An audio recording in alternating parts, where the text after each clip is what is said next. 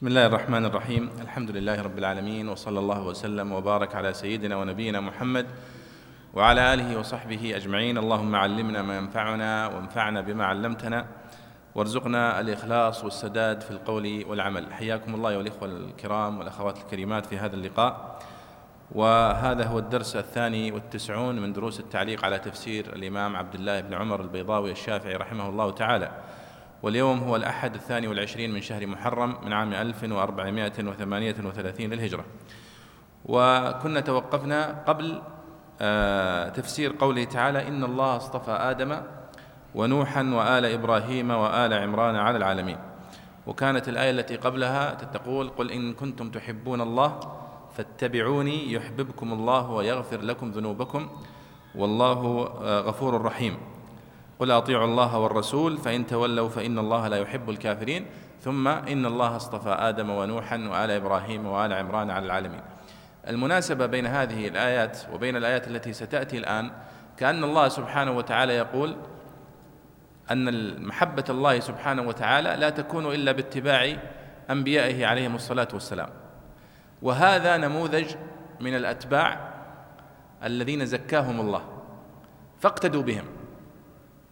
ثم يذكر لك الآن قصة إن الله اصطفى آدم ونوحا وآل إبراهيم وآل عمران على العالمين.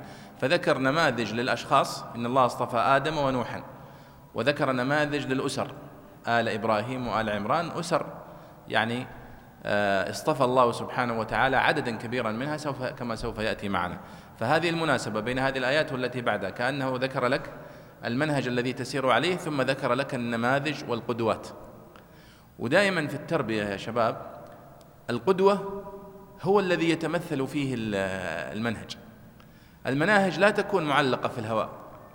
الإسلام ليس دينا تجريديا مجرد أوامر وقوانين فقط ويعني تعطى بشكل ورقي وتنفذ. لا وإنما تنفذ عن طريق أشخاص يتمثل فيهم الدين. ولذلك الإسلام ما هو الإسلام؟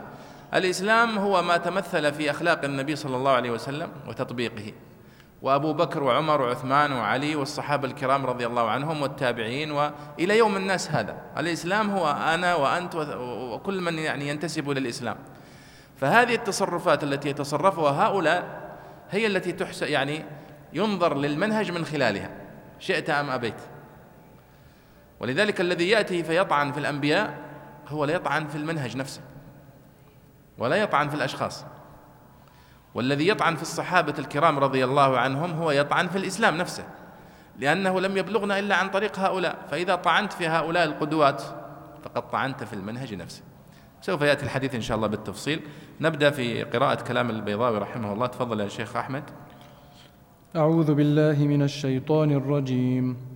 إن الله اصطفى آدم ونوحا وآل إبراهيم وآل عمران على العالمين. ذرية بعضها من بعض والله سميع عليم. إذ قالت امرأة عمران رب إني نذرت لك ما في بطني محررا فتقبل مني إنك أنت السميع العليم.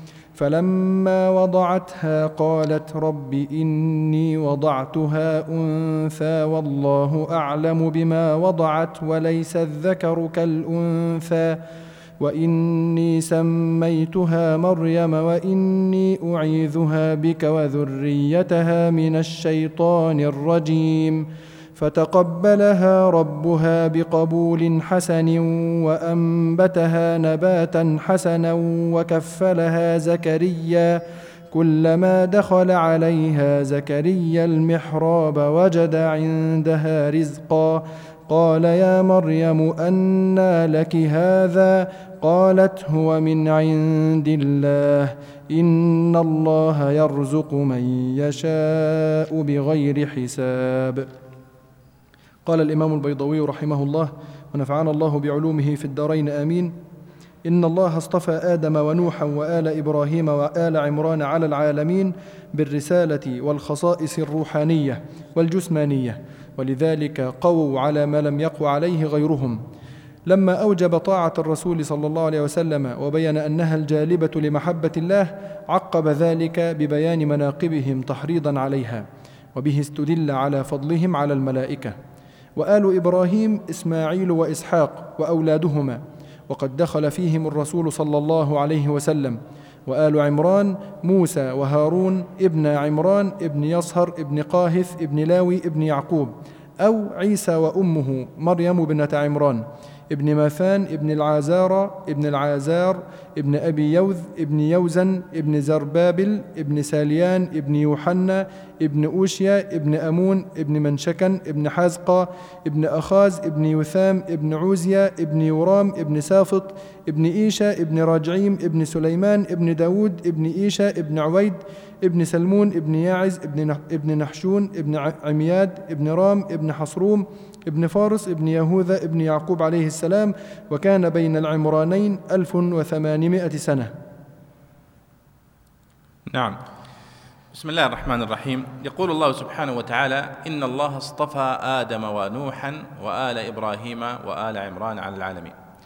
ذكر الله سبحانه وتعالى شخصين آدم عليه الصلاة والسلام وهو أبو البشر ونوح وهو كما يسمونه أبو البشر الثاني بعد حادثة الطوفان التي ذكر الله خبرها في القرآن الكريم. وذكر أسرتين آل عمران و وآل إبراهيم قبلهم. اصطفاهم. لاحظوا البيضاوي ما فسر معنى كلمة اصطفى. قال إن الله اصطفى آدم ونوحا وآل إبراهيم وآل عمران بالرسالة والخصائص الروحانية. كأنه يقول اصطفى واضح معناها ما يحتاج شرح صح؟ والاصطفاء هو مأخوذ من صفا الثلاثية الصاد والفاء والألف المقصورة. صفى بمعنى انتخب اختار اجتبى هذا هو معنى الاصطفاء. فكأنه اختيار من مجموع تأتي إلى عشرين طالب وتصطفي منهم واحد صح؟ لكن تجي على واحد وحده وتقول أنا اصطفيتك. اصطفيتني ما عندي في خيارات أصلا ما في إلا أنا. أيوه بالضبط. فالاصطفاء اذا في اللغة هو الاختيار الاجتباء الاختيار المبني على مزايا. صح؟ ما تروح مثلا على يعني مجموعة من المجرمين فتختار أشدهم إجراما وتقول أنا اصطفيتك. صح؟ أيوه لأن هذا ما صار اصطفاء. أنت اصطفيته لأنه أشدهم إجراما. فهذا لا يكون الاصطفاء وإنما الاصطفاء هو الاجتباء والاختيار لمزايا في الشخص المختار. واضح يا شباب؟ ولاحظوا هذا المنهج عند بعض المفسرين وهو أنه يتجاوز تفسير بعض العبارات أو التراكيب أو المفردات التي يرى هو أنها واضحة. ولذلك ابن الجوزي رحمه الله نبه على هذا في تفسيره في المقدمة وقال إنك ربما تمر على بعض الأشياء في التفسير ولا تجد لها تفسيرا في كتابي ولا يخلو من أمرين.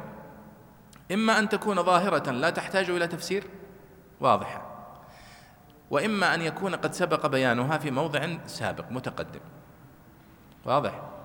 وطبعا كتب التفسير لأنها كتب طويلة أنت سوف تفسر القرآن من الفاتحة إلى الناس سيمر بك عبارات متكررة آه، عبارات آه، قصص متكررة آه، فيكتفي بعض المفسرين بالإشارة إليها في أول موضع.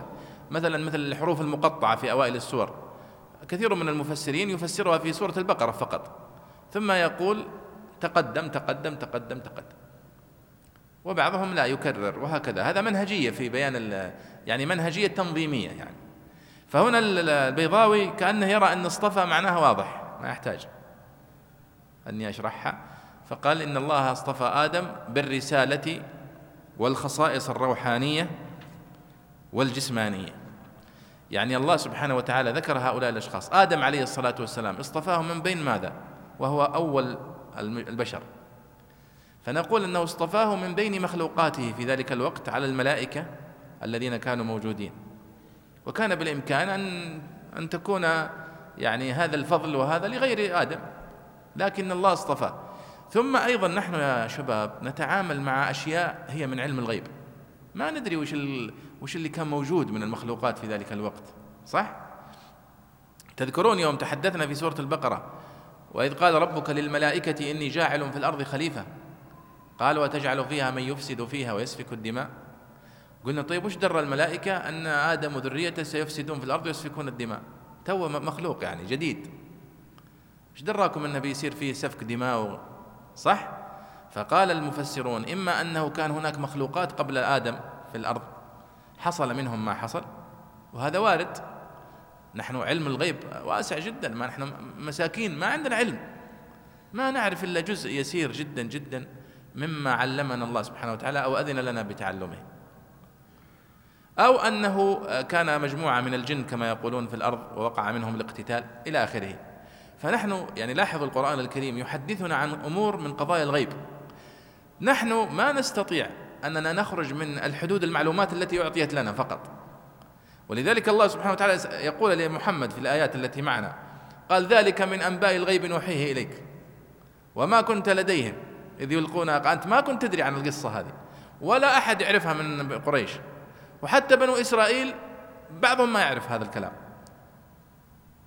ولذلك قال في آية أخرى إن هذا القرآن يقص على بني إسرائيل أكثر الذي هم فيه يختلفون. في قضايا وقع الخلاف بين بني إسرائيل فيها القرآن الكريم وضح الحق فيها لأنها من الغيب السحيق. وهذا هو جزء من وجه إعجاز القرآن الكريم. القرآن الكريم بمعانيه معجز. ما حد يستطيع أن يتحدث عن هذا الغيب العظيم البعيد إلا من يعلم السر وأخفى سبحانه وتعالى. طيب إذا إن الله اصطفى آدم ونوحا وآل إبراهيم وآل عمران قلنا الاصطفاء هو الاختيار والاجتباء. لمزايا في المختار. اصطفاهم بثلاثة أشياء يقول البيضاوي. بالرسالة فجعل فيهم النبوة والرسالة. ولا شك أن هذا أعظم أنواع الاصطفاء للبشر. أن يصطفيك الله سبحانه وتعالى ثم يجعلك نبيا ورسولا هذا أعلى أنواع الاصطفاء. من هو الذي يحظى بهذا الشرف؟ ولذلك رأى المفسرون أن موسى عليه الصلاة والسلام هو أكثر اخ له منه على أخيه لأنه شفع لهارون فأرسل وصار نبيا. قال وأخي هارون هو أفصح مني لسانا فأرسل إلى هارون يعني كلف بالرسالة معي. قال قد أوتيت سؤلك يا موسى. هذه واسطة قوية وتعتبر يعني من أعظم الشفاعات في التاريخ أنه يشفع لأخيه فيكون نبيا معه. إذا اصطفاهم الله بالرسالة اصطفى آدم عليه الصلاة والسلام بالرسالة واصطفاه آه، واصطفى نوحا عليه الصلاة والسلام كذلك بالرسالة. قال والخصائص الروحانية يعني الله سبحانه وتعالى اصطفى هؤلاء الذين ذكرهم بما منحهم من التقوى والإخبات والإنابة والصدق الأعمال التي تتعلق بالروح والقلب وهم كانوا كذلك فعلا. ولذلك ستلاحظون في قصص هؤلاء الأنبياء مريم وقصة زكريا تعلقهم بالله سبحانه وتعالى في كل القصة والدعاء. قال والخصائص الجسمانية. يعني أيضا الله سبحانه وتعالى قد جعل لهم خصائص جسمانية مميزة عن غيرهم وهكذا الأنبياء لأنه لا يتحمل تكاليف النبوة والرسالة إلا من كان قوي البنية وإلا سوف يضعف عن حملها. لذلك تلاحظون هذا في موسى وفي عيسى عليه الصلاة والسلام في محمد عليه الصلاة والسلام. وكيف نعرف أن النبي صلى الله عليه وسلم قد أعطي يعني خصائص جسمانية؟ في أحاديث كثيرة وفي قصص واردة تؤكد هذا المعنى أنه أوتي قوة عشرة من الرجال أنه كان الوحي إذا نزل على النبي صلى الله عليه وسلم وبجانبه رجل وركبته على ركبته كما في حديث أظن أنس أو أو ابن مسعود قال فكادت ركبتي أن ترض من ثقل الوحي صح؟ وكان ينزل الوحي على النبي صلى الله عليه وسلم وهو على الناقة فتوتر يديها. تكاد إنها تلتصق بالأرض من ثقل الوحي على النبي صلى الله عليه وسلم. فهذا دليل على أنه كان لديه من الخصائص في جسمه وفي قوته البدنية ما يعينه على تحمل أعباء هذا الوحي الذي قال الله عنه إنا سنلقي عليك قولا ثقيلا. طيب. قال البيضاوي ولذلك قووا على ما لم يقوى عليه غيرهم. فعلا. من العبادة من الصبر من الجهاد لأن التكاليف ليست سهلة. لما أوجب ثم قال البيضاوي لما أوجب الله سبحانه طاعة الرسول وبين أنها الجالبة لمحبة الله عقب ذلك ببيان مناقبهم تحريضا عليها. البيضاوي يريد أن يبين لنا المناسبة بين هذه الآيات وبين الآيات التي قبلها. الكلام اللي قلت لكم قبل شوية أنه ذكر لنا أن المحبة الله سبحانه وتعالى لا تكون إلا باتباع النبي صلى الله عليه وسلم. قل إن كنتم تحبون الله فاتبعوني. ثم جاء فذكر لنا قدوات انطبقت عليهم هذه الصفة وأنهم كانوا على المنهج الصحيح. طيب ثم ذكر البيضاوي قال وبه استدل على فضلهم على الملائكة. هذه مسألة كلامية لا ينبني عليها عمل. لكن المتكلمين دخلوا فيها. هل الملائكة أفضل أم الأنبياء؟ وصالحي البشر. إيش رأيكم يا شباب؟ من هو الأفضل عندك برأيك؟ أنت أنت إيه؟ الأنبياء عليهم الصلاة والسلام هل هم أفضل من الملائكة؟ هذا قول. منهم من قال الأنبياء أفضل. ومنهم من قال لا الملائكة لأن الملائكة لا يعصون الله ما أمرهم ويفعلون ما يؤمرون. بينما بعض الملائكه الأنبياء عليهم الصلاة والسلام وقع في المعصية. مثل إبراهيم عليه الصلاة والسلام عندما يقول أنني كذبت كثلاث كذبات موسى عندما قتل وهكذا. لكن السؤال وش الفائدة من مثل بحث هذه المسائل؟ ما في فائدة منها. لا يترتب عليها ثمرة عملية. ولذلك دخل فيها علماء الكلام وبالغوا في ذلك. ولذلك حتى الكشاف للزمخشري اللي رآها منكم وقرأ فيه المعتزلة يرون تفضيل الملائكة على الأنبياء وعلى البشر. ولذلك ينصر الزمخشري مذهبه هذا في في تفسيره. كيف يظهر هذا في بعض المواطن؟ فجاء مثلا على قوله تعالى وما هو بقول آه إنه لقول رسول كريم. ذي قوة عند ذي العرش مكين. آه عند آه لقول رسول كريم ذي قوة عند ذي العرش مكين. مكين مطاع ثم أمين. أمين. هذه كلها صفات لمن؟ لجبريل صح؟ مدحه وأثنى عليه ثم ماذا قال عن النبي صلى الله عليه وسلم؟ قال وما صاحبكم بمجنون الزمخشري سامحه الله قال أيوه هذه فرصتي أستدل من هنا على تفضيل الملائكة على الأنبياء قال فكان غاية ما مدح به محمد صلى الله عليه وسلم نفي الجنون عنه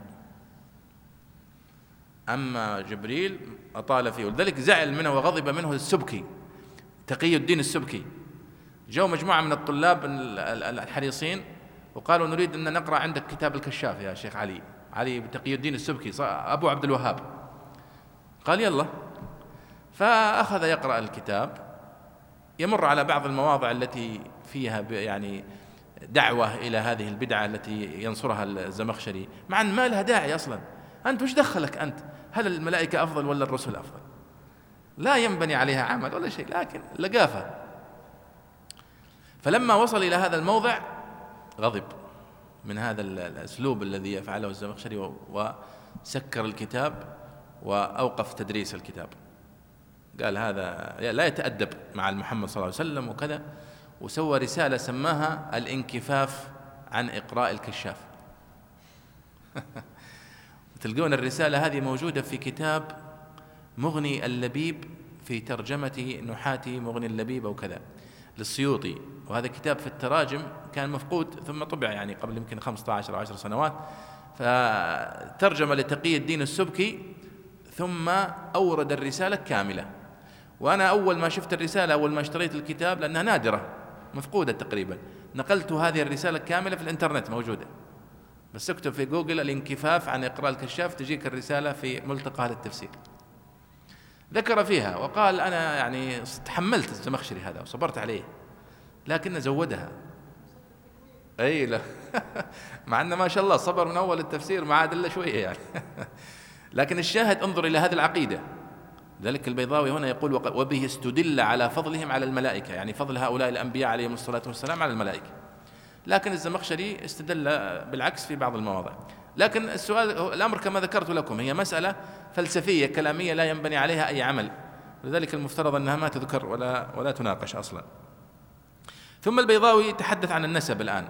قال وآل إبراهيم إسماعيل وإسحاق وأولادهما. وقد دخل فيهم الرسول صلى الله عليه وسلم لأن من ذرية إسماعيل صح؟ وآل عمران هم من ذرية إبراهيم أيضا. لكن سبحان الله الله سبحانه وتعالى عندما ذكر قصة إبراهيم قال ومن ذريتي صح؟ قال لا ينال عهد الظالمين.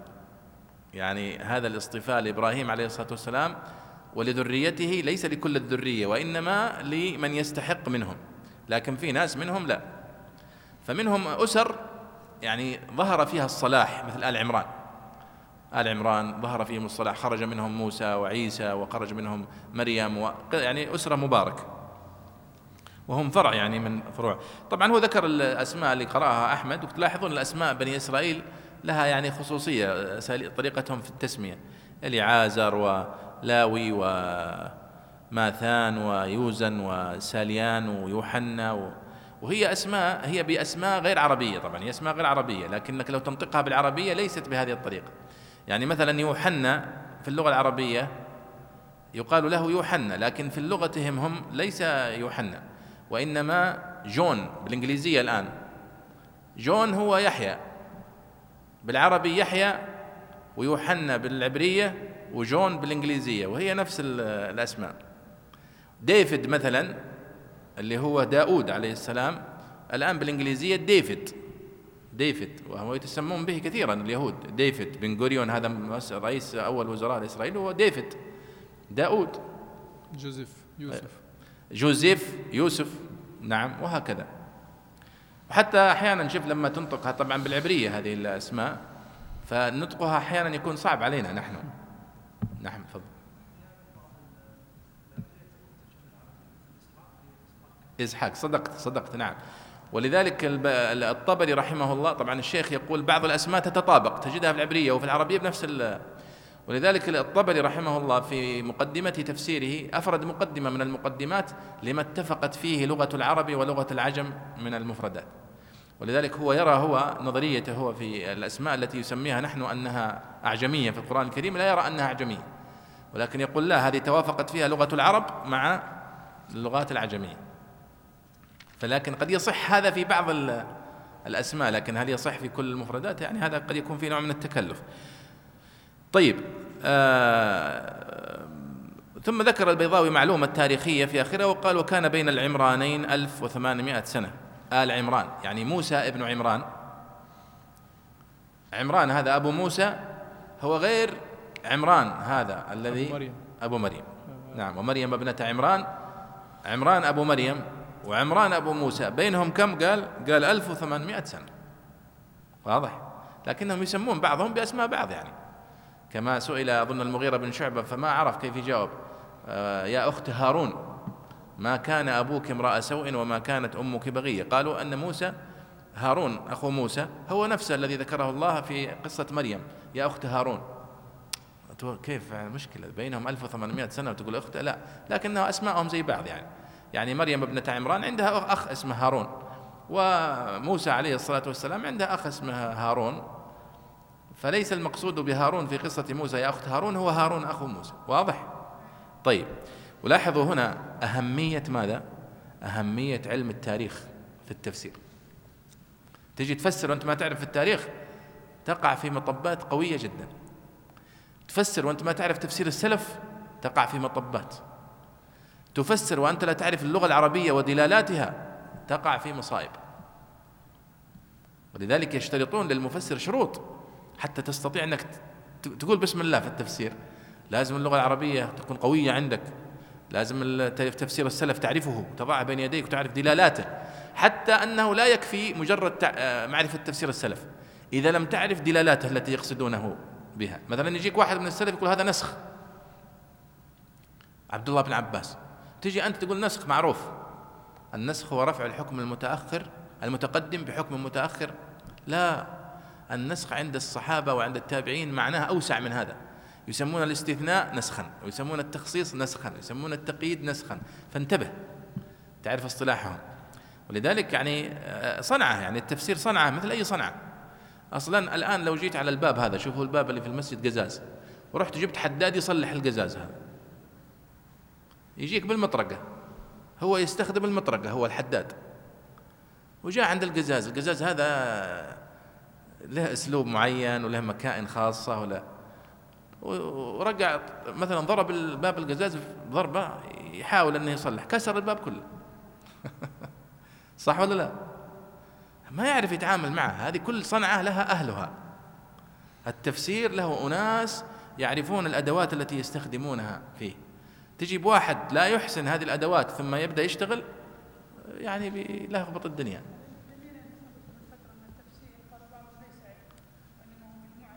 صحيح صحيح. بس لأنه أصبح له كتبه وله فيعني أصبح علما. وإلا أصلا هو بهذه الصورة هو إتقان للأدوات التي يحتاجها المفسر. تحتاج مثلا هنا بيان مسألة تاريخية.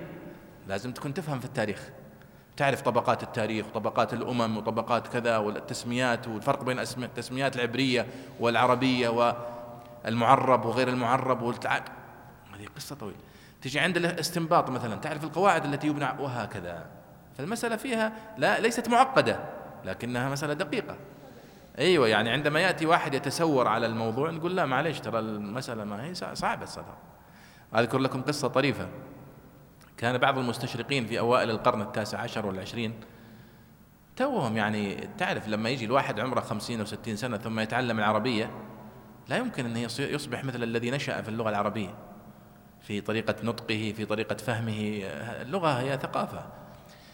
فكان يكتب هؤلاء المستشرقون مقالات جيدة يعني على على قدهم يعني. يعني كويس إنه يطلع منك حاجة كذا زي هذه. فأنت تشجعه من هذا الباب تقول ما شاء الله يعني مقالة جيدة. فبعضهم أصابه الغرور وشاف أن ما شاء الله لغته يعني مقالاته تحظى بعناية الأدباء وكذا فزودها شوية.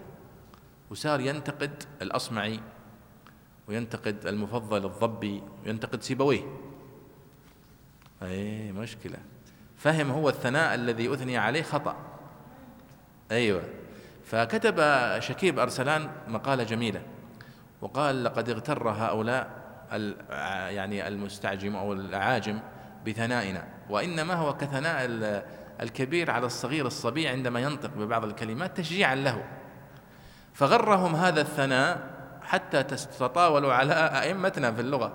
فجاء أحدهم قال أخطأ المفضل الضبي في روايته لقصيدة زهير بن أبي سلمى من أمي أوفى دمنة لم تكلمي. وأنا أقترح أن يكون ترتيب أبياتها بهذه الطريقة. يقول ترتيب المفضل الضبي ملخبط. واقترح هو ترتيب للمعلقة. فرد عليه شكيب قال لا بالعكس رواية الضبي هي اللغة الفصحى وهي الصحيحة وهي الرواية الصحيحة وهي منسجمة إلى آخره. فاللغة يعني يعني ليس كل أحد يستطيع أن يتسور عليها. لكن طيب آه ننتقل للآية التي بعدها. قال رحمه الله ذرية بعضها من بعض حال أو بدل من الآلين أو منهما ومن نوح أي إنهم ذرية واحدة متشبعة بعضها من بعض وقيل بعضها من بعض في الدين والذرية الولد يقع على الواحد والجمع فعلية من الذر أو فعولة من الذرء أبدلت همزتها ياء ثم قلبت الواو ياء وأدغمت. والله سميع عليم بأقوال الناس وأعمالهم فيصطفي من كان مستقيم القول والعمل أو سميع بقول امرأة عمران عليم بنيتها. الله أكبر.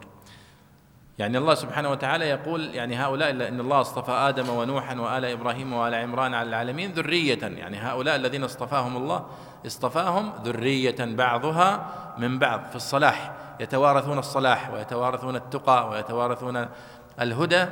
في في في ذرياتهم. وهذا يشير يا شباب إلى مسألة التربية. كيف أن الأسر إذا ربت ابنائها على الصلاح وعلى الهدى وتناقل هذا في في فيهم. فكان الواحد منهم إذا قيل له أنت من ذرية أنت من نسل إبراهيم أنت ما أنت زي الناس. فيأخذ يعني في فيزيده ذلك عناية بتصرفاته وكذا. البيضاوي هنا يقول ذرية بعضها من بعض حال. يعني أننا نعربها حال. ذرية هنا منصوب على أنها حال. اصطفى آدم ونوحا وكذا حال كونهم ذرية بعضها من بعض. أو بدل وآل إبراهيم وآل عمران ذرية. طيب قال والذرية وقيل والذرية هو الولد. الذرية هي الولد ذرية بعضها من بعض هي الولد يعني الولد الولد والولد الولد وهكذا. يقع على الواحد والجمع. يعني يقال محمد ذرية سعيد. ويقال آل عمران هم من ذرية آل إبراهيم. فيقال للمفرد ذرية ويقال للجمع ذرية كأنه من أسماء الجنس يعني. ثم البيضاوي تكلم عن الصرف الصرف ذرية على وزن إيش ذرية؟ قال هي على إما أنها على وزن فعلية وإما أنها على وزن فعولة من الذرع ذرية على وزن فعولة. وهذا يتحدث عن علم الصرف صح؟ وأنا قلت لكم أنا أن من من ينبغي على المفسر أن يكون عالما بالصرف كيف يأتي الاشتقاق. يعني مثلا أحيانا تأتيك وزن الكلمة مختلف عن الوزن الحقيقي لها. فمثلا ذرية هنا قال على وزن فعولة. كيف على وزن فعولة؟ ذرية. لو فعلية واضحة عندنا صح؟ ذرية فعلي فعلية واضحة. لكن قال أو فعولة من الذرء أبدلت همزتها ياء ثم قلبت الواو ياء وأدغمت. كيف؟ يعني فعولة كأنها ذروءة أصلها. لأنها مأخوذة من ذرء ذرأ. ما ذرأ في الأرض يعني خلق. فقال هي أصلا هي ذروءة. اصبر قال هي ذروءة. على وزن فعولة صح؟ ثم وش صار فيها؟ ذروءة أصبحت ذرؤية لاحظوا ذروءة ثم أصبحت ذرؤية بالهمز لكن فيها ثقل. لما تقول ذروية صح؟ فقال قلبت الواو ياء فأصبحت ذريية ذريية ثنتين. فتصبح ثقيلة في الكلام. لما تقول ذريية فأدغموها فأصبحت ذرية طبعا هؤلاء الذين يتحدثون في الصرف على رأسهم العلامة الكبير أبو علي الفارسي وتلميذه ابن جني هم يفترضون هذه الخطوات. أنت ما أنت ما سمعت العرب قالوا ذرئية ما في أحد قال ذرئية هم قال على طول ذرية. أيوة فهو يحاول دائما أنه يرجع خطوات إلى الوراء إلى الصرفي ويقول أصلا هي من ذرأ بالهمز. فأكيد أن الهمز سيظهر في الخطوات السابقة. ولذلك هم دائما في الصرف يقولون إذا أردت أن تعرف تصريف الكلمة صح جبت التصريفات فمثلا ماء ماء كلمة ماء اجمعها. مياه من فين جاءت الهاء هذه؟ صح؟ طيب اجمعها على أمواه. ما في مدينة عندنا اسمها الأمواه في السعودية. أمواه جمع ماء آه طلعت الهاء إذن. معناتها أن الهاء موجودة أصلا في أصل الاشتقاق وأن أصلها ما وهاء تروح تدور في كتاب المعجم اللسان العرب يلا وين تلقى الموية؟ تلقاها في مادة ما وهاء تقول أنت وش دخل الهاء في الموضوع؟ هي همزة اللي يعرفها ماء أيوه لأنك إذا رجعتها إلى اشتقاقها جبت الجمع يظهر فيها الحرف اللي كان محذوف. نفس الشيء هنا في الذرية. فإنها لما تعرف أنها مشتقة من ذرأ تعرف أن فيها همزة. فقالوا إذن هي كانت ذرئية ثم قلبت الهمزة واو فأصبحت ذروية. ثم قلبت الواو ياء لثقلها فأصبحت ذرية مرتين. ثم استثقلوا الياءين وراء بعض فأدغموها فصارت ذرية. يلا دورها. شفت الفكرة؟ ولذلك طريقة الصرفيين في استنباط العلل والأحكام فيها نوع من الذكاء حقيقة والإبداع. مثل مثلا على سبيل تحية. يلا وش وش وزن تحية يا شباب؟ تحية مباركة. حياه تحية. وش وزن تحية؟ اللي أول من ينتبه يقول فعيلة. تحية فعيلة زي ذرية فعلية صح؟ لكنها لا ما هي ليس هذا وزنها سبحان الله. وزن تحية تفعلة. وزن تحية تفعلة. لأنها حياه تحيية ثنتين زكاه تزكية. المضاعف الوسط. زكاه تزكية. حياه تحيية. وهكذا. لكن رباه تربية. شوف على طول تظهر واضحة تربية. بس حياه تجي ما ما يقولون العرب تحية. أن الياءين ثقيلة. فيدغمونها زي ذرية. فتصبح تحية. ترى هذا سهل وترى ممتع جدا على المستوى. أنصحكم بكتاب جميل اسمه روضة شو اسمه إيش؟ حق الحملاوي. روضة ال روضة ليش؟ شذا العرف صدقت. شذا العرف في علم الصرف أحسنت. كتاب جميل جدا يعطيك وترى مهمة يعني القواعد الأساسية كيف تشتق وأنواع الأفعال المجرد والمزيد والرباعي والثلاثي والخماسي والسداسي وهكذا. طيب المهم مع أن هذه مسألة لا علاقة لها بالمعنى لكنهم يرون أنها من مكملات دراسة لغة القرآن. تعرف أصل هذه الكلمة واشتقاقها. أنت لو تبغى تروح ترجع لها الآن في المعجم كيف ترجع لها؟ ولا لا يا شيخ أحمد؟ هل تؤيد هذا؟ نعم. أنت يعني آه، إمام في القراءات. الله يوفقك. طيب إذ قالت امرأة عمران ربي إني نذرت لك ما في بطني. الله سبحانه وتعالى سينقل لنا قصص أول مرة تنقل. ما هي موجودة حتى في كتب آه، أهل الكتاب بتفاصيل التي ذكرها الله. يذكر لنا قصة هي في سبحان الله قبل أن تولد مريم عليها الصلاة والسلام. ويولد ابنها وكذا. فيذكر لنا قصة كيف كانت بداية هذه القصة العجيبة. فاقرأ يا شيخ إذ قالت امرأة عمران. قال رحمه الله إذ قالت امرأة عمران رب إني نذرت لك ما في بطني فينتصب به إذ على التنازع. وقيل نصبه بإضمار اذكر. وهذه حنة بنت فاقوذ جدة عيسى. وكانت لعمران بن يصهر بنت اسمها مريم. أكبر من موسى وهارون فظن أن المراد زوجته زوجته ويرده كفالة زكريا. فإنه كان معاصرا لابن ماثان وتزوجت وتزوج ابنته إيشاع وكان يحيى وعيسى عليهما السلام ابني خالة من الأب. روي أنها كانت عاقرا عجوزا فبينما هي في ظل شجرة إذ رأت طائرا يطعم فرقه فحنت إلى الولد وتمنته فقالت اللهم إن لك علي نذرا إن رزقتني ولدا أن أتصدق به على بيت المقدس فيكون من خدمه فحملت بمريم وهلك عمران. وكان هذا النذر مشروعا في عهدهم للغلمان فلعلها بنت بنت الأمر على التقدير أو طلبت ذكرا. ذكرا. أو طلبت ذكرا. محررا معتقا لخدمته لا أشغله بشيء.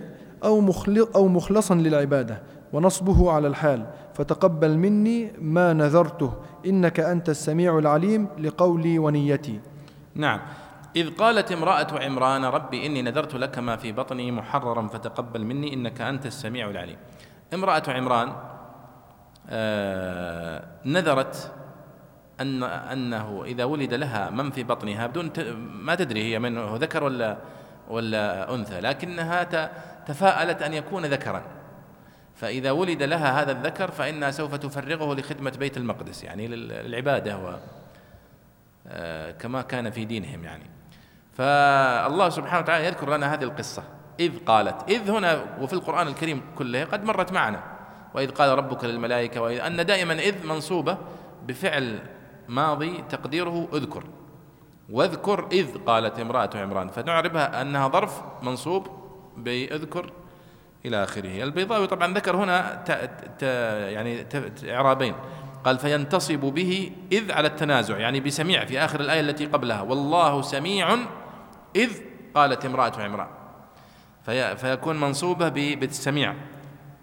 أو آه، منصوب بإضمار إذكر كما قلت لكم وهو أكثر الإعرابات الموجودة في القرآن الكريم لإذ. والمعربون يذكرون أربعة إعرابات لهذه إذ هنا في وإذ. طيب. ثم قال وهذه حنة بنت فاقوذ جدة عيسى. يعني حنة بنت فاقوذ هذه زوجة عمران. إذ قالت امرأة عمران ربي إني نذرت لك ما في بطني. طيب ثم طبعا ذكر هو القصة وقال وهذه مسألة تاريخية يا شباب. وكانت لعمران ابن يصهر بنت اسمها مريم أكبر من موسى وهارون. فظن أن المراد زوجته. قال وهذا القول مردود. ويرده كفالة زكريا فإنه كان معاصرا لابن ماثان وتزوج ابنته إيشاء إلى آخره. وكان يحيى ابن خالة عيسى. فهو هنا من ضمن الأقوال أن عمران هذا الرجل زوج هذه اللي اسمها إيش؟ حنة زوج حنة. أنه هو أبو موسى وهارون نفسه. وأن مريم هي أخت هارون. هذا قول لكن غير صحيح. لأن بينهم 1800 سنة. بين موسى بن عمران وهارون أخوه وقصة عيسى وأسرة عيسى. بينهم 1800 سنة قرون. وهذا بالإجماع يعني. ولذلك حتى في قصة الرجل اللي في مدين آه، فلما توجه تلقاء مدين قال عسى ربي أن يهديني سواء السبيل. قال بعض المفسرين هذا شعيب. قال شيخ الإسلام ابن تيمية هذا غير صحيح بالإجماع لأن شعيب بينه وبين موسى مئات السنين. شعيب متقدم. لكن هذا رجل صالح من من مدين. أما شعيب فهو متقدم. ولم يعاصره موسى عليه الصلاة والسلام. لاحظتوا التاريخ؟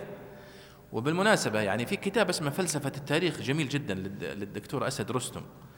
كتاب كتيب صغير لكنه مفيد جدا. استفاد منه في في آه، نفس فكرة ابن ابن خلدون رحمه الله. لكن ابن خلدون يعني ربما بعضهم يستثقل قراءة المقدمة طويلة. وإلا هي نفس الفكرة.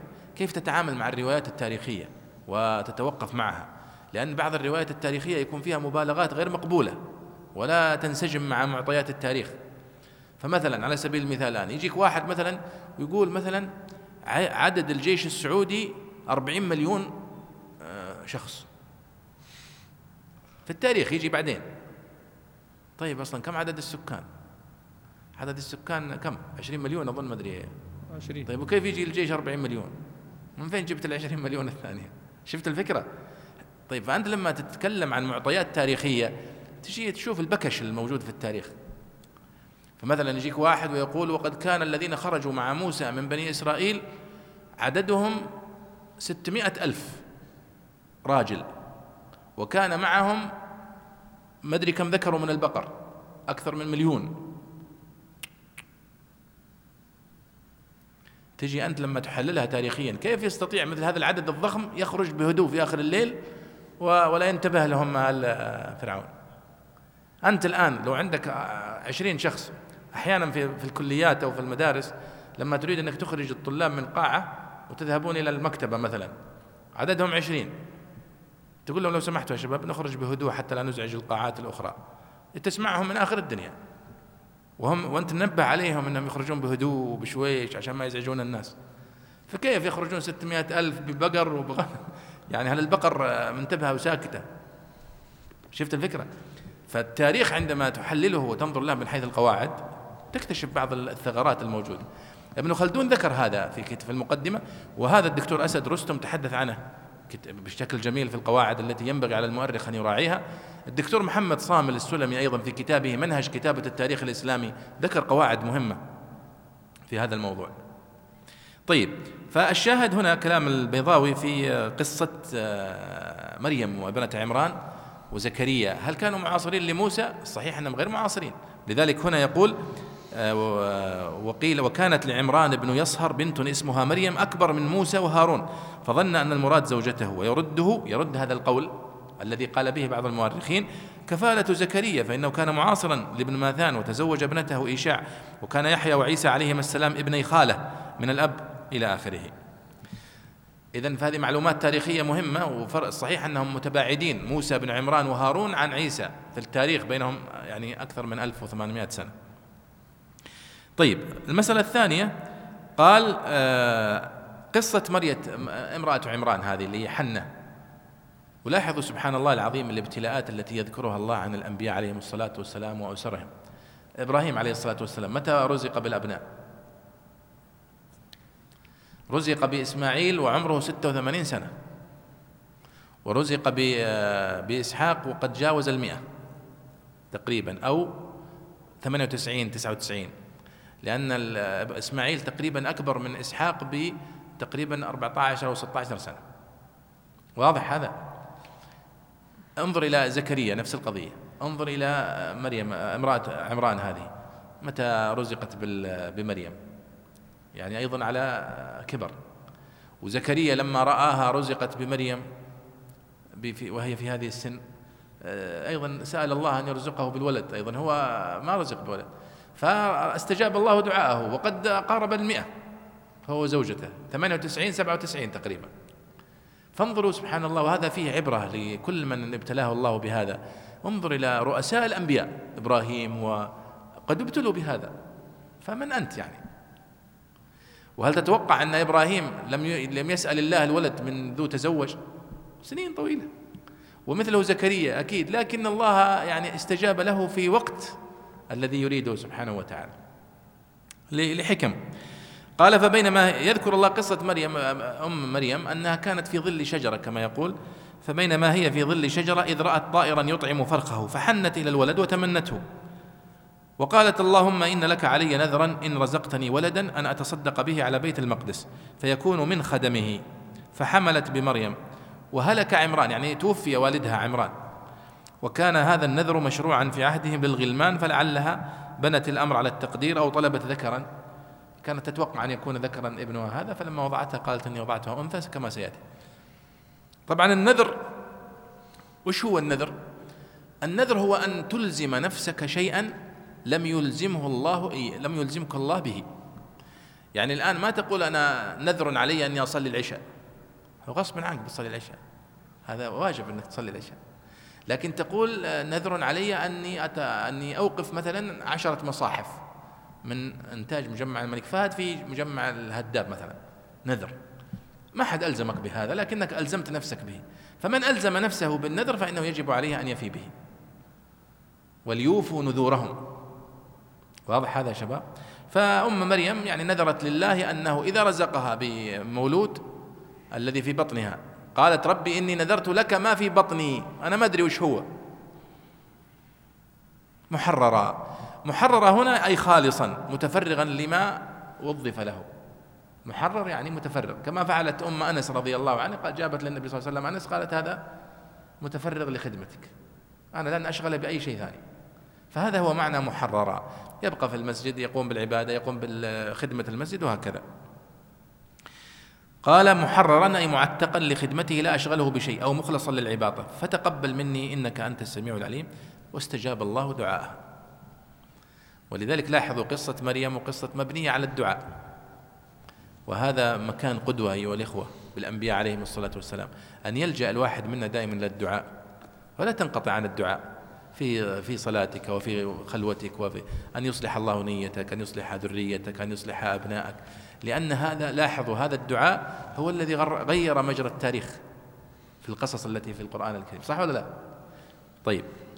أيوة انتقل. فلما وضعتها؟ قال رحمه الله فلما وضعتها قالت رب إني وضعتها أنثى الضمير لما في بطنها وتأنيثه لأنه كان أنثى وجاز انتصاب أنثى حالا عنه لأن تأنيثها لأن تأنيثها علم علم منه فإن الحال وصاحبها بالذات واحدة أو على تأويل مؤنث كالنفس والحبلة. وإنما قالته تحسرا وتحزنا إلى ربها لأنها كانت ترجو أن تلد ذكرا ولذلك نذرت تحريره. والله أعلم بما وضعت أي بالشيء الذي وضعت. وهو استئناف من الله تعالى تعظيما لموضوعها وتجهيلا لها بشأنها. وقرأ ابن عامر وأبو بكر عن عاصم ويعقوب وضعت على أنه من كلامها تسلية لنفسها. أي ولعل, أي ولعل لله سبحانه وتعالى فيه سرا أو الأنثى كانت خيرا. وقرئ وضعتي على أنه خطاب الله تعالى لها. وليس الذكر كالأنثى بيان لقوله والله أعلم. أي وليس الذكر الذي طلبت كالأنثى التي وهبت. واللام فيهما للعهد. ويجوز أن يكون من قولها بمعنى وليس الذكر والأنثى سيان فيما نذرت فتكون اللام للجنس. وإني سميتها مريم عطف على ما قبلها من مقالها وما بينهما اعتراض وإنما ذكرت ذلك لربها تقربا إليه وطلبا لأن يعصمها ويصلحها حتى يكون فعلها مطابقا لاسمها. فإن مريم في لغتهم بمعنى العابدة. وفيه دليل على أن الاسم والمسمى والتسمية أمور متغايرة. وإني أعيذها بك أجيرها بحفظك. وذريتها من الشيطان الرجيم المطرود. وأصل الرجم الرمي بالحجارة. وعن وعن النبي صلى الله عليه وسلم ما من مولود يولد إلا والشيطان يمسه حين يولد فيستهل من مسه. إلا مريم وابنها. ومعناه أن الشيطان يطمع في إغواء كل مولود بحيث يتأثر منه إلا مريم وابنها فإن الله تعالى عصمهما ببركة هذه الاستعاذة. يا سلام. آه إذا مريم عليها الصلاة والسلام يعني ولدت في هذه القصة ذكرها الله سبحانه وتعالى لأمها وهي كانت أمها تتوقع أن تكون ولدا لأنها تريد أن تفرغه لخدمة المسجد. فلما وضعتها فوجئت بأنها بنت لكنها لم تتراجع عن نذرها مما يدل على أنه يجب الوفاء بالنذر حتى في شريعتهم صح؟ قال الله فلما وضعتها قالت ربي إني وضعتها أنثى طيب هي قبل أن تضعها ما كانت تعرف أنها أنثى ولذلك البيضاوي يقول فلما وضعتها الضمير هنا يعود على ماذا على البنت وهي بس هي قبل أن تعرف أنها مؤنث أنثتها. ولذلك قال الضمير في قوله فلما وضعتها الهاء هنا لما في بطنها؟ بغض النظر عن ولد ولا بنت. وتأنيثه لأسباب. إما أنه لأنه كان أنثى في الواقع. فالله يحكي قصة قديمة. وجاز انتصاب أنثى حالا عنه لأن تأنيثها علم منه. فإن الحال وصاحبها بالذات واحدة. فلما وضعتها أنثى فلما وضعت هذه المولودة. قال أو على تأويل مؤنث كالنفس يعني فلما وضعتها يعني وضعت النفس هذه. ولو كانت ذكر لكنها نفس مؤنثة. أو الحبلة يعني ما كان ما كنت حاملا به. حبلة ما أدري ولد ولا بنت لكنه لما وضعتها. يعني هذا توجيه المفسرين والمعربين للضمير لماذا كان ضميرا مؤنثا؟ وإنما قالت مريم قالت آه، حنة هذا الكلام تحسرا. قالت ربي إني وضعتها أنثى. فهي كانت تريد أن يكون ولد. والحال هو الحال قديما إلى اليوم يعني. دائما ينظر إلى الولد أنه يعني أقدر على الحياة وأقدر على يعني آه، والناس يحبون الولد ولا زالت هذه النزعة موجودة في الناس. في الجاهلية كانت متأصلة. جاء الإسلام خففها. لذلك قال وإذا بشر أحدهم بالأنثى ظل وجهه مسودا وهو كظيم يعني من شدة الغضب ما أحد يقدر يكلمه. ويحاول إنه يطلع من الحي ولا ما احد يقابله ويقول له مبروك البنية اللي جاتك. قال يتوارى من القوم من سوء ما بشر به. أيمسكه؟ جالس يفكر أيمسكه؟ على هون يعني يخليها عايشة ويصبر على ما فيها من مشاكل وكذا. أم يدسه في التراب؟ لاحظوا. الله يصور هذه الحالة الجاهلية التي كان عليها الناس في الجاهلية. لا لا هذه مريم عليها الصلاة والسلام لما ولدت أمها كانت تبغاها تكون ولد. لكن شوف البركة وش اللي صار. الله بارك في مريم ورزقها وأصبحت آية هي وابنها. وأصبحت هي ابن لعيسى عليه أم لعيسى عليه الصلاة والسلام وتحققت فيها هذه المعجزة النادرة. لأن العلماء يذكرون أن آدم خلق من تراب صح؟ لا أب ولا أم. ثم حواء خلقت من آدم صح؟ فكأنها خلقت من أب بلا أم. ثم جاء عيسى فخلق من أم بلا أب. وهكذا. طيب. آه والله أعلم بما وضعت. شوفوا الجملة هذه فيها قراءتان. والله أعلم. قالت ربي إني وضعتها أنثى. والله أعلم بما وضعت. الله عارف. هذا المعنى الأول هذه القراءة. والله أعلم بما وضعت. يعني كأنها جملة اعتراضية أن الله يعرف أنها وضعت أنثى. والقراءة الأخرى من نفس كلامها والله أعلم بما وضعت. فيكون من كلام مريم. فالبيضاوي يفسرها على على المعنيين. قال هو استئناف من الله تعالى تعظيما لموضوعها وتجهيلا لها بشأنها. يعني الله يقول والله أعلم بما وضعت. كأنه يقول أن لا ما كان في داعي أنها تقول أني وضعتها أنثى لأن الله يعلم أنها وضعت أنثى من قبل أن تقول ذلك. وهذه قراءة ابن عامر وشعبة وعن عاصم ويعقوب وغيرها. وضع والقراءة الثانية والله أعلم بما وضعت. هذه قراءة ابن عامر وشعبة ويعقوب على أن الضمير لمريم عفوا لأمها على أنه من كلامها تسلية لنفسها أي ولعل الله سبحانه وتعالى له في ذلك سر. كأنها تقول والله أعلم بما وضعت هو سبحانه وتعالى أعلم بي وله حكمة. طيب. وقرئ وضعتي على أنه خطاب الله تعالى لها والله أعلم بما وضعت فإذا يصير في الآية هذه ثلاث قراءات ها؟ والله أعلم بما وضعت من كلام الله والله أعلم بما وضعت من كلام الله والله أعلم بما وضعت من كلامها. قال وليس الذكر كالأنثى. قد يكون هذا من كلام مريم من كلام حنة وقد يكون يكون من كلام الله. والله أعلم. فهي تقول يا ربي إني وضعتها أنثى. والله أعلم بما وضعت. وليس الذكر كالأنثى في خدمته وفي قوته وكذا.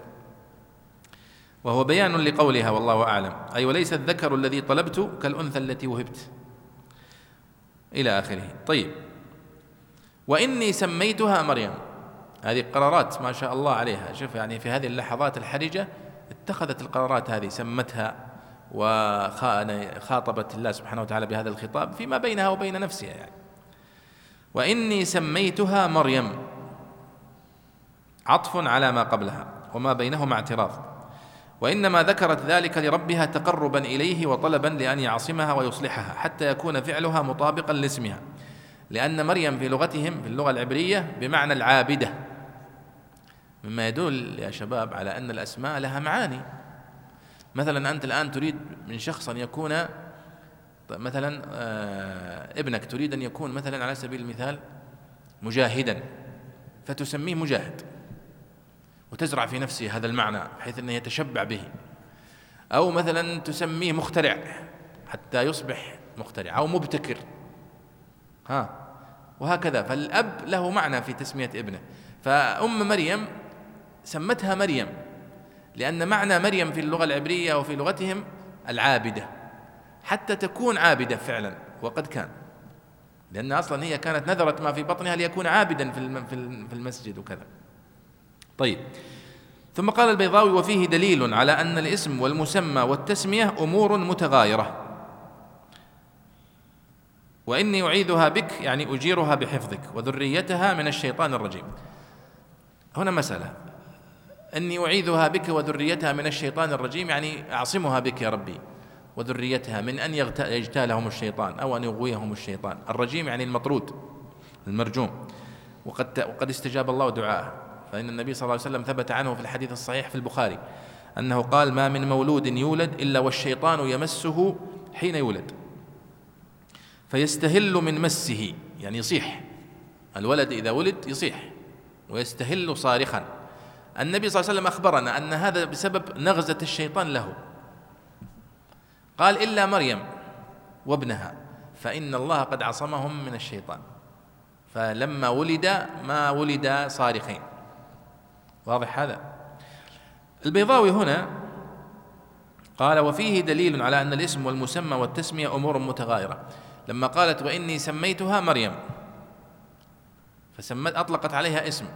هذه مسألة من مسائل الفلسفية اللغوية وهي من مسائل علم الكلام المشهورة. هل الاسم هو المسمى؟ وش الفرق بين الاسم والمسمى والتسمية؟ آه سلمان مثلا. هذا الاسم صح؟ والمسمى وش هو؟ هو نفس سلمان ذات سلمان هذا المسمى. واسمه هو اللفظ الذي سمي به ذاته. فيقال هذا سلمان. هذا الاسم سلمان والمسمى هو الذات. والتسمية هي العملية التسمية. نفسها. ففي مثلا الفرق بين المعلم وبين عملية التعليم وبين اسم المعلم. هذه مسألة كلامية وتكلم عنها العلماء كثيرا وترتب عليها كلام طويل في مسألة الأسماء والصفات. البيضاوي استنبط هذه الآية أو استنبط هذا المعنى استنباطا أصوليا من الآية على أن الاسم والمسمى والتسمية أمور مختلفة عن بعضها ثلاثة أشياء مختلفة. الاسم هذا اللفظ الذي يسمى به الذات. والمسمى هي الذات المسماه والتسمية هي عملية إطلاق التسمية أو عملية إطلاق الاسم على المسمى. هذه في أسماء الله وصفاته. الله لما يقول السميع. السميع هو الاسم الصفة. والمسمى هو ذات الله سبحانه وتعالى. وعملية التسمية هي عملية التسمية. لذلك يقول الخفاجي أنا نقلت لكم هنا بعض الكلمات المهمة في الموضوع. الخفاجي له حاشية على تفسير البيضاوي. يقول اشتهر في كتب الأصول ذكر الخلاف في أن الاسم هو عين المسمى أو التسمية أو هو غيرهما. وقد تحير الناس في المراد من ذلك وذكروا له تأويلات لم تظهر لها ثمرة. ولم يتحرر إلى الآن محل الخلاف ومقطعه. وأشار إلى ذلك المصنف البيضاوي. ولم يذكر القول بأنه عين التسمية أو غيرها. وإن كان قولا لبعض المعتزلة لأنه في غاية الضعف والبعد والمراد بالتسمية أيضا العبارة المعبر بها عن المسمى كما نقل عن الأشعري رحمه الله. قال ابن كثير في تفسيره مسألة الاسم هل هو المسمى أو غيره للناس فيها ثلاثة أقوال. أحدها أن الاسم هو المسمى وهو قول أبي عبيدة وسيبويه واختاره الباقلاني وغيره. وقال الرازي في مقدمات تفسيره في هذه المسألة لأن مسألة ينبني عليها أشياء كثيرة في التفسير قالت الحشوية. الرازي يسمي الحنابلة والسلف الذين يثبتون لله ما أثبته لنفسه يسميهم حشوية. قالت الحشوية والكرامية والأشعرية الاسم نفس المسمى وغير التسمية. يعني سلمان هو ذات سلمان. نحن نقول لا سلمان الاسم نفسه اللفظ ولكن المسمى هو ذات سلمان. وقالت المعتزلة الاسم غير المسمى ونفس التسمية. والمختار عندنا هذا كلام ابن كثير. قال والمختار عندنا أن الاسم غير المسمى وغير التسمية زي ما اختار البيضاوي. ثم نقول إن كان المراد بالاسم هذا اللفظ مثل سلمان السين واللام والميم والنون الذي هو أصوات متقطعة وحروف مؤلفة فالعلم الضروري حاصل أنه غير المسمى. سلمان هذا اللفظ والمسمى هو الذات. وإن كان المراد بالاسم ذات المسمى فهذا يكون من باب الإيضاح للواضحات وهو عبث. فثبت أن الخوض في هذا البحث على جميع التقديرات يجري مجرى العبث تضيع وقت يعني. وهذا كثير من المسائل الكلامية من هذا النوع. والغزالي رحمه الله تكلم في هذا الموضوع أيضا بكلام في كتاب له اسمه المقصد الأسنى في أسماء الله الحسنى. ففصل تفصيل رائع جدا في هذا الموضوع واختار ما اختاره البيضاوي. وابن القيم أيضا في كتابه بدائع الفوائد قال كلام جميل. يقول إذا ظهر الفرق بين الاسم والمسمى فبقي التسمية اللي هي عملية إطلاق الاسم على المسمى. وهي اغتر بها من قال باتحاد الاسم والمسمى والتسمية عبارة عن جعل المسمى ووضعه للاسم للمسمى. كما أن التحلية عبارة عن فعل المحلي ووضعه الحلية على المحلى. فهنا ثلاث حقائق اسم ومسمى وتسمية كحلية ومحلى وتحلية. وعلامة ومعلم وتعليم ولا سبيل إلى جعل لفظين منها مترادفين أبدا. فإذا جعل الاسم هو المسمى بطل واحد من هذه الحقائق الثلاثة ولا بد وبالتفصيل هذا تزول الشبه ويتبين الصواب. ولذلك نختم أن استنباط البيضاوي صحيح أن الاسم يختلف عن المسمى يختلف عن التسمية. قال رحمه الله فتقبلها ربها فرضي بها في النذر مكان الذكر. بقبول حسن أي بوجه حسن يقبل به النذائر وهو إقامتها مقام الذكر أو تسلمها أو أو تسلمها عقيب ولادتها قبل أن تكبر وتصلح للسدانة. روي أن حنة لما ولدتها لفتها في خرقة وحملتها إلى المسجد ووضعتها عند الأحبار وقالت دونكم هذه النذيرة. فتنافسوا فيها لأنها كانت ابنة إمامهم وصاحب قربانهم. فإن بني ماثان كانت رؤوس بني إسرائيل وملوكهم. فقال زكريا أنا أحق بها عندي خالتها فأبوا إلا القرعة وكانوا, وكانوا سبعة وعشرين. فانطلقوا إلى نهر فألقوا فيه أقلامهم فطفى قلم زكريا ورسبت أقلامهم فتكفلها زكريا. ويجوز أن يكون مصدرا على تقدير مضاف أي بذي قبول حسن. وأن يكون تقبل بمعنى استقبل كتقضى وتعجل أي فأخذها في أول أمرها حين ولدت بقبول حسن وأنبتها نباتا حسنا مجاز عن تربيتها بما يصلحها في جميع أحوالها. وكفلها زكريا شدد الفاء حمزة والكسائي وعاصم وقصروا زكريا غير عاصم في رواية ابن عياش على أن الفاعل هو الله تعالى وزكريا مفعول أي جعله كافلا لها وضامنا لمصالحها. وخفف الباقون ومدوا زكرياء مرفوعا. كلما دخل عليها زكريا المحراب أي الغرفة التي بنيت لها أو المسجد أو أشرف مواضعه ومقدمها سمي به لأنه محل محاربة الشيطان كأنها وضعت كأنها وضعت في أشرف موضع من بيت المقدس. وجد عندها رزق جواب كلما وناصبه. روي أنه كان لا يدخل عليها غيره وإذا خرج أغلق عليها سبعة أبواب وكان يجد عندها فاكهة الشتاء في الصيف وبالعكس. قال يا مريم أنى لك هذا من أين لك هذا الرزق الآتي في غير أوانه؟ والأبواب مغلقة عليك وهو دليل جواز الكرامة للأولياء. وجعل, وجعل ذلك معجزة زكريا يدفعه اشتباه الأمر عليه. قالت هو من عند الله فلا تستبعده. قيل تكلمت صغيرة كعيسى عليه السلام ولم ترضع ولم ترضع ثديا قط وكان رزقها ينزل عليها من الجنة. إن الله يرزق من يشاء بغير حساب بغير تقدير لكثرته أو بغير استحقاق تفضلا به. وهو يحتمل أن يكون من كلامهما وأن يكون من كلام الله تعالى.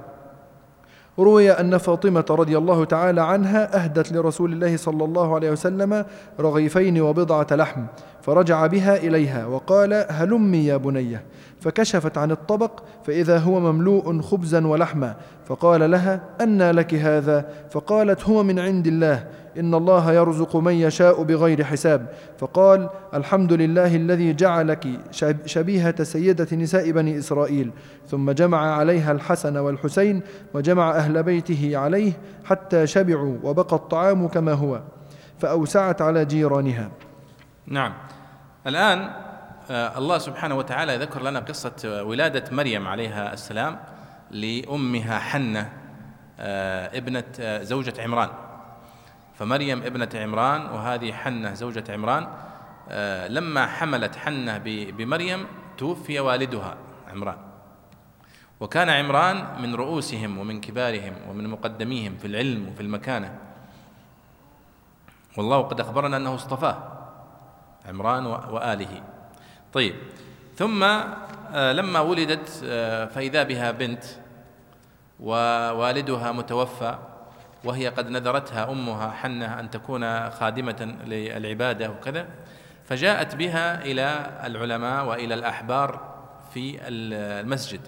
والمسجد هو مكان السجود يعني العبادة المعبد الذي يعني يتعبدون لله فيه. بعضهم يذكر أنه بيت المقدس وبعضهم يذكر أنه غيره. والصحيح في التاريخ أن عيسى آه، أو أن أنهم أنهم هذه الأسرة أنهم من بيت لحم في فلسطين. وفيها ولد عيسى بن مريم وفيها ولدت أمه مريم وهذه الأسرة من تلك المنطقة. طيب. قال الله سبحانه وتعالى فتقبلها ربها مريم فتقبلها ربها بقبول حسن وأنبتها نباتا حسنا وكفلها زكريا. وزكريا عليه الصلاة والسلام هو زوج خالتها. زوج خالتها. يعني زوجته هي أخت حنة. ولذلك آه، يعني لعلها والله أعلم ذهبت به بتوصية من أختها. قالت اذهبي بها إلى زكريا وإلى لعله يعني يتبناها. طيب قال فتقبلها ربها؟ قال فرضي بها. كيف عرفت أن الله تقبلها؟ لعل ذلك كان بالوحي. فإن الله سبحانه وتعالى قد أوحى إلى إليها وقد أوحى إلى زكريا ولذلك لاحظ الحوار هذا كله وحي أليس كذلك؟ إما أنه بواسطة الملك أو بغير ذلك. قال فتقبلها ربها بقبول حسن أي بوجه حسن يقبل به النذائر. طيب. ثم ذكر القصة أنها أخذتها ولفتها في خرقة وهي رضيعة طفلة صغيرة وذهبت بها إلى مجمع العلماء والأحبار. فهم لعلهم لما رأوا ما فيها من البركة ورأوا جمال مريم وهي طفلة صغيرة يعني توها مولودة. يعني تعلقت بها قلوبهم لكفالتها. وهذا من أول تقبل الله لها سبحانه وتعالى. كما ذكر الله سبحانه وتعالى عن موسى من قبل 1800 سنة. لما ولد وهو طفل صغير ثم يعني خافت عليه أمه فألقته في اليم. قال الله سبحانه وتعالى في صفته قال وألقيت عليك محبة مني. كل من رأى موسى أحبه. تعلق فيه. ولذلك لما رأته امرأة فرعون تعلقت به. ودافعت عنه. وأيضا من معاني الآية وألقيت عليك محبة مني أن الله أحبه والآية تحتمل هذا وهذا. قال فذهبت بها إلى الأحبار وقالت دونكم هذه النذيرة هي الطفلة التي نذرت أن تكون للمسجد وللعبادة. فتنافسوا فيها قال لأنها كانت ابنة إمامهم وصاحب قربانه فقال آه زكريا أنا أحق بها عندي خالتها. فأبوا إلا القرعة. لاحظوا من تكريم الله سبحانه وتعالى لمريم منذ صغرها أنهم تنافسوا فيها وتنافسوا مع زوج خالتها ولعلهم أيضا الذين الآخرين كان لهم قرابة بشكل أو بآخر من مريم. الله سبحانه وتعالى ذكر لنا هذه القصة ما كان يعرفها أحد. قال وما كنت لديهم إذ يلقون أقلام. ما كنت موجود حاضر هذه القصة لكن أنا ذكرت لك هذه القصة. وحتى يعرف هؤلاء اليهود وهؤلاء النصارى أن هذا الذي يأتيك وحي. من مصدر إلهي. وكانوا سبعة وعشرين فانطلقوا إلى نهر فألقوا فيه أقلامهم فطفى قلم زكريا ورسبت أقلامهم فتكفلها زكريا. طبعا القرعة يمكن أن تجرى بأكثر من طريقة صح؟ ممكن أن تجرى بطريقة الأقلام تجرى بأعواد بكور المهم بأي طريقة اليوم ممكن نسويها بورقة تكتب عليها أرقام محددة وبعدين تخلط هذه الأوراق وتختار. الاختيار العشوائي هذا هو القرعة والاقتراع بحيث أنه يكون اللي ترسو عليه المناقصة إن صح التعبير وهو يتولى تربية مريم يأخذها بالقرعة العشوائية دون أي يعني تحيز. فوقع الاختيار ولذلك يقولون أنهم ألقوا أقلامهم هم, هم كلهم علماء. فاتفقوا على أنهم يذهبون إلى النهر ويلقون أقلامهم في النهر. الأصل أن اللي يلقي قلمه في النهر يغوص لأن القلم أي قلم ترميه في في الموية يغوص. فقالوا الذي لا يغوص قلمه في الماء هو الذي يتولى تربيتها. وهذا هو معنى قال وما كنت لديهم إذ يلقون أقلامهم. أيهم يكفل مريم. فذكر هذا القصة. قال فألقوا أقلامهم فرست كلها يعني وقعت في الماء إلا قلم زكريا طفاء فتكفلها. طيب قال وأنبتها نباتا حسنا. يعني الله سبحانه وتعالى يقول أنه أنبت مريم نباتا حسنا. والنبات استخدامه في اللغة يكون للنبات المعروف صح؟ فإذا قلت والله الله أنبت محمد نباتا حسنا فكأنه يعني استعارة لهذه الصفة التي يوصف بها النبات فوصفنا بها الإنسان من باب الاستعارة. وهذا باب المجاز وباب الاستعارة باب واسع في اللغة العربية. قال وأنبتها نباتا حسنا. والإشارة إلى أن الله سبحانه وتعالى قد تولى العناية بمريم وتربيتها فيما يتعلق بأكلها وما يتعلق بتربيتها ما يتعلق برزقها. كل شيء مكفول. ولذلك الله سبحانه قال وكفلها زكريا. يعني جعل زكريا كفيلا لها. مع أن الله سبحانه وتعالى يعني تكفل مريم بأشياء ما يقدر عليها زكريا. ولذلك كان زكريا كل ما يجي يمر عليها يشوفها تصلي يشوفها تأكل أشياء تأكلها ما ما هي موجودة في المنطقة كلها. قال فيقول لها أن لك هذا. قالت هو من عند الله. إن الله يرزق من يشاء بغير حساب. ولذلك هذه كلها كرامات لمريم. قال قال البيضاوي وكفلها زكريا. وكفلها زكريا فيها قراءتان. كفلها زكريا بالتشديد. يعني كفلها الله زكريا مفعول به. وفي القراءة الأخرى وكفلها زكريا في سير زكريا فاعل. وفي قراءة أخرى بالمد وكفلها زكرياء إذا ما ذكرنا الهمزة ما يظهر الضم على زكريا لأنه مقصور صح؟ فتقول آه، ذهب زكريا ورأيت زكريا ومررت بزكريا. ما يظهر عليه أثر علامات الإعراب لأنها تتعذر ظهور العلامة على آخره. صح؟ لكن إذا جعلتها همزة زكرياء تظهر الهمزة والكسرة والفتح. وهذا معنى قول البيضاوي هنا آه، وخفف الباقون ومدوا زكريا مرفوعا. قال كلما دخل عليها زكريا المحراب المكان الذي تصلي فيه. المحراب يطلق على الغرفة يطلق على مكان الصلاة يطلق على المكان المميز في المسجد الذي يميز المكان هذا. آه، وقد جعلوا هذا المحراب يعني في المساجد وفي أماكن العبادة لبيان الاتجاه القبلة ومكان أنت الآن لو تدخل المسجد ما فيه اتجاه ما فيه محراب ما تدري وين القبلة. الآن هذه العلامات اللي في الصفوف تبين لنا اتجاه القبلة إلى حد ما يعني. قال وجد عندها رزقا. كلما دخل عليها المحراب وجد عندها رزقا. رزق جديد يعني. وقوله وجد عندها رزقا أي رزقا عظيما رزقا مختلفا رزقا غريبا. فالتنكير هنا يدل على التعظيم يدل على التجديد. قال يا مريم أنى لك هذا. من وين جاك؟ تجيها فاكهة الصيف في الشتاء. زينا اليوم. قالت هو من عند الله. قال البيضاوي هنا وهو دليل جواز الكرامة للأولياء وجعل ذلك معجزة زكريا يدفعه اشتباه الأمر عليه.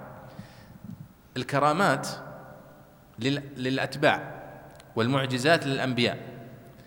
فمثلا النبي صلى الله عليه وسلم ما وقع له من نزول القرآن أو ما وقع له من نصرته بالملائكة أو نبوع الماء بين يديه الشريفتين عليه الصلاة والسلام أو تكاثر الطعام بين يديه لما دعي في الخندق وغيرها من المعجزات. هذه تسمى معجزة للأنبياء عليهم الصلاة والسلام. وهي خرق للعادة. خرق للعادة يعني العادة ما ما تحصل هذه الأشياء. لكنه الله سبحانه وتعالى يخرق العادات لأنبيائه عليهم الصلاة والسلام لتمكينهم.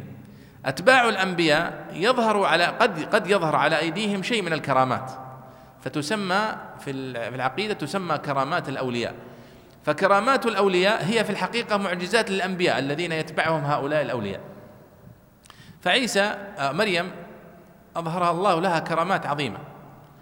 لأن الصحيح أن مريم ليست نبية وأن الله سبحانه وتعالى لم يبعث إلا رجالا وما أرسلنا من قبلك إلا رجالا. نوحي إليهم. النساء لم يرسل الله سبحانه وتعالى رسولا. ولذلك كل ما وقع لمريم نسميه كرامة. ويقول أنها ليست معجزة هذه لزكريا لأن زكريا نبي. لماذا لم تعتبرها معجزة لزكريا؟ قال لأنه اشتبه عليه هو. استغرب هو من هذا الأمر. ولو كان يعني على قناعة لكانت معجزة له. هذا كلام البيضاوي مع أنه يمكن أن تكون أيضا آه، من معجزات زكريا عليه الصلاة والسلام. قالت هو من عند الله. طبعا مسألة آه، استنباط البيضاوي هذا ممكن يعني نشير إليها. قال البيضاوي وهو دليل جواز الكرامة للأولياء وهو استنباط باعتباره بقصص السابقين. هذه طريقة الاستنباط. أخذها من هذه القصة. وقال الرازي في تفسيره احتج أصحابنا على صحة القول بكرامة الأولياء بهذه الآية. آية مريم. ووجه الاستدلال أنه تعالى أخبر أن زكريا كلما دخل عليها المحراب وجد عندها رزقا. قال يا مريم أن لك هذا. قالت هو من عند الله. وقال الألوسي واستدل بالآية على جواز الكرامة للأولياء. وبالمناسبة فيه كتاب قيم أنصحكم به في الكرامات الأولياء لزميلنا الدكتور عبد الله العنقري. كتاب قيم جدا في مسألة كرامات الأولياء. بحث أصول هذا المسألة وأدلتها وأقوال الفرق فيها. ويعني الأحاديث التي ثبتت فيها وغير ذلك من المسائل المتعلقة بكرامات الأولياء. قال الألوسي واستدل بالآية على جواز الكرامة للأولياء لأن مريم لا نبوة لها على الصحيح. وهذا هو الذي ذهب إليه أهل السنة والشيعة وخالف في ذلك المعتزلة. فنحن من أصول أهل السنة والجماعة الإيمان بكرامات الأولياء وإثباتها والتصديق بها واعتقاد أنها حق وذلك باتفاق أئمة أهل الإسلام قد دل عليها القرآن والسنة والآثار المتواترة عن الصحابة والتابعين رضي الله عنهم ولذا أودع أهل السنة والجماعة هذا المعنى في عقائدهم في كتب المعتقد ليدرس ويتعلم في ضمن أصولهم. فالكرامات ثابتة بالقرآن وبالسنة والواقع. فمن الكرامات الثابتة بالقرآن قصة أصحاب الكهف. قصة أصحاب الكهف هي من كرامات الأولياء. ومن ذلك قصة مريم أيضا حيث أكرمها الله حين أجاءها المخاض إلى جذع النخلة صح؟ وأمرها أن تهز بجذعها. أصلا ما حد يستطيع أن يهز جذع النخلة حتى الرجل لو كان في من أصحاب كمال الأجسام ما يستطيع يهز جذع النخلة. ولكن الله هز الجذع النخلة لمريم وهي في وضع لا تستطيع أن تفعل ذلك. ومن ذلك أيضا قصة الرجل الذي أماته الله مئة عام ثم بعثه. وقد مرت معنا في سورة البقرة. ليتبين له قدرة الله وغير ذلك من المسائل. فهذه مسألة يعني مهمة جدا واستنباط البيضاوي لها في هذا الموضع استنباط صحيح. وقالت آه، مريم إن الله يرزق من يشاء بغير حساب. لما قال لها زكريا آه، أن لك هذا يعني من وين جاء هذا الطعام؟ لأنه مستغرب أن يأتي هذا الطعام في هذا الوقت وأنت ما تخرجين من البيت. فقالت هو من عند الله. فكان آه، هذا كرامة لها ولذلك لما رأى زكريا عليه الصلاة والسلام هذا المشهد وشاف كرامة الله لمريم وهو لم يرزق بأولاد بأولاد أيضا. وهذا أيضا من الأشياء التي جعلته يحرص على كفالة مريم أن ما عنده أولاد. فلما رأى هذا دعا الله سبحانه وتعالى أن يرزقه بالولد. صح؟ قال هنالك دعا زكريا ربه قال رب هب لي من لدنك ذرية طيبة ولذلك لاحظوا في قصة مريم في قصة أمها في قصة زكريا خالها الدعاء هو الذي يصنع الفرق الدعاء. ولذلك هذا مكان قدوة يا مشايخ يا إخواني. الالتجاء إلى الله الإكثار من الدعاء اقتداء بهؤلاء الأنبياء عليهم الصلاة والسلام. أختم بالتنبيه فقط على الحديث الذي ذكره هنا عن عائشة فاطمة رضي الله عنها أنه يقول أن النبي صلى الله عليه وسلم آه، فاطمة رضي الله عنها أهدت للرسول رغيفين وبضعة لحم فرجع بها إليها. وقال هلمي يا بنية فكشفت عن الطبق فإذا هو مملوء خبزا ولحما. فقال لها أنى لك هذا؟ قالت هو من عند الله إن الله يرزق من يشاء بغير حساب. فقال الحمد لله الذي جعلك شبيهة سيدة نساء بني إسرائيل. ثم جمع عليا والحسن والحسين وجمع أهل بيته عليه حتى شبعوا. نقول هذا الحديث غير صحيح. غير صحيح. وواضح أنه من موضوعات الشيعة. لكن فاطمة رضي الله عنها ابنة محمد صلى الله عليه وسلم لا شك أنها من سيدات العالمين ومن سيدات أهل الجنة وأن لها كرامات ولها فضائل عظيمة. لكن هذا الحديث باطل. وقد ثبتت كرامتها وفضلها ومكانتها بأحاديث أخرى.